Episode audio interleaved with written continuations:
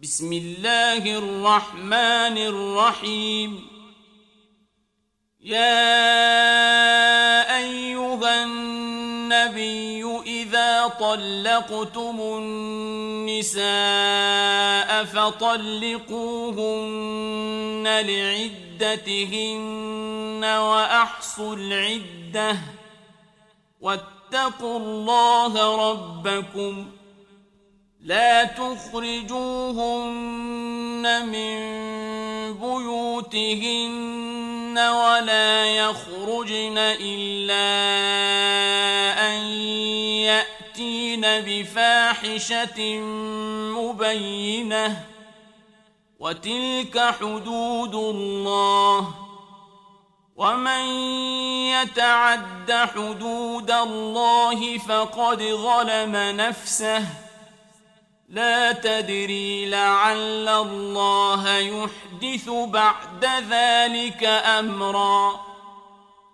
فإذا بلغن أجلهن فأمسكوهن بمعروف أو فارقوهن بمعروف وأشهدوا ذوي عدل منكم وأقيموا الشهادة لله ذلكم يوعظ به من كان يؤمن بالله واليوم الآخر ومن يتق الله يجعل له مخرجا ويرزقه من حيث لا يحتسب ومن يتوكل على الله فهو حسبه إن الله بالغ أمره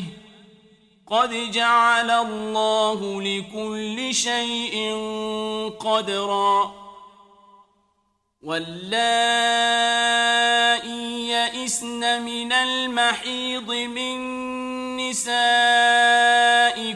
إن ارتبتم فعدتهن ثلاثة أشهر واللائي لم يحضن وأولاة الأحمال أجلهن أن يضعن حملهن ومن يتق الله يجعل له من أمره يسرا ذلك أمر الله أنزله إليكم ومن يتق الله يكفر عنه سيئاته ويعظم له أجرا أسكنوهن من حيث سكنتم وجدكم ولا تضاروهن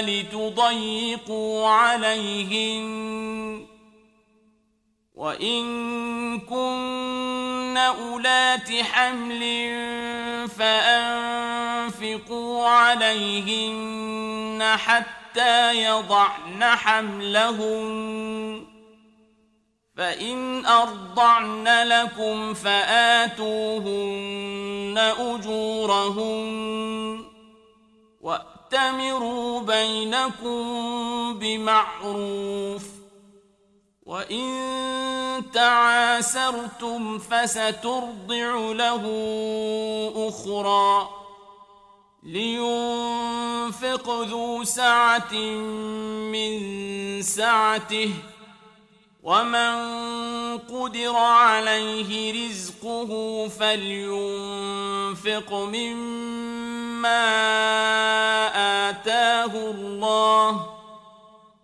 لا يكلف الله نفسا إلا ما آتاها سيجعل الله بعد عسر يسرا وكأين من قرية عتت عن أمر ربها ورسله فحاسبناها حسابا شديدا وعذبناها عذابا نكرا فذاقت وبال أمرها وكان عاقبة أمرها خسرا أعد الله لهم عذابا شديدا. فاتقوا الله يا أولي الألباب الذين آمنوا. قد أنزل الله إليكم ذكرًا. رسولا يتلو عليكم آيات الله مبينات ليخرج الذين آمنوا وعملوا الصالحات من الظلمات إلى النور ومن يؤمن بالله ويعمل صالحا يدخله جنات يدخله جنات تجري من تحتها الأنهار خالدين فيها أبدا. قد أحسن الله له رزقا.